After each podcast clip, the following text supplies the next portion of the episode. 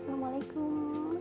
Ketemu lagi bersama Bu Dini Oke, pada kesempatan kali ini Bu Dini bakal ngasih kalian tips Apa aja sih yang harus kita persiapkan dalam menghadapi new normal activity Dalam menghadapi pandemi COVID-19 Oke, jangan ke mana-mana.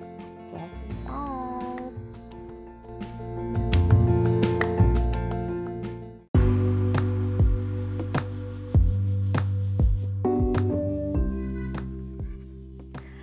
Hai guys, new welcome to Ngopi bareng Embun Dini. Ah, Sekarang kita bakal lanjutin yang namanya episode kedua Tentang AKB, adaptasi kebiasaan baru di era COVID-19 And then, buat kamu-kamu yang biasanya suka bepergian Hanya bawa dompet aja atau gadget aja Tentunya dalam AKB ini uh, ada beberapa dong tambahan barang yang harus kamu bawa di dalam tas kamu ya.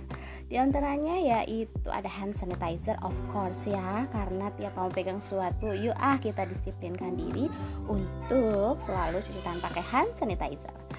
And then uh, what else? Um, of course pakai masker dong. Go anywhere you must be aware a mask. Maskernya nggak usah masker yang uh, buat medis juga nggak apa-apa. Yang penting kita pakai masker kain juga boleh. Pokoknya masker non medis bisa masuk ya. Hmm, that's right.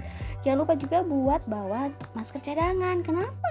Kita harus bawa masker cadangan karena ini adalah salah satu langkah preventif juga ketika kamu di jalan raya nih. Atau lagi bepergian atau lagi belanja. Terus ada yang gak pakai masker. Kita tegur aja.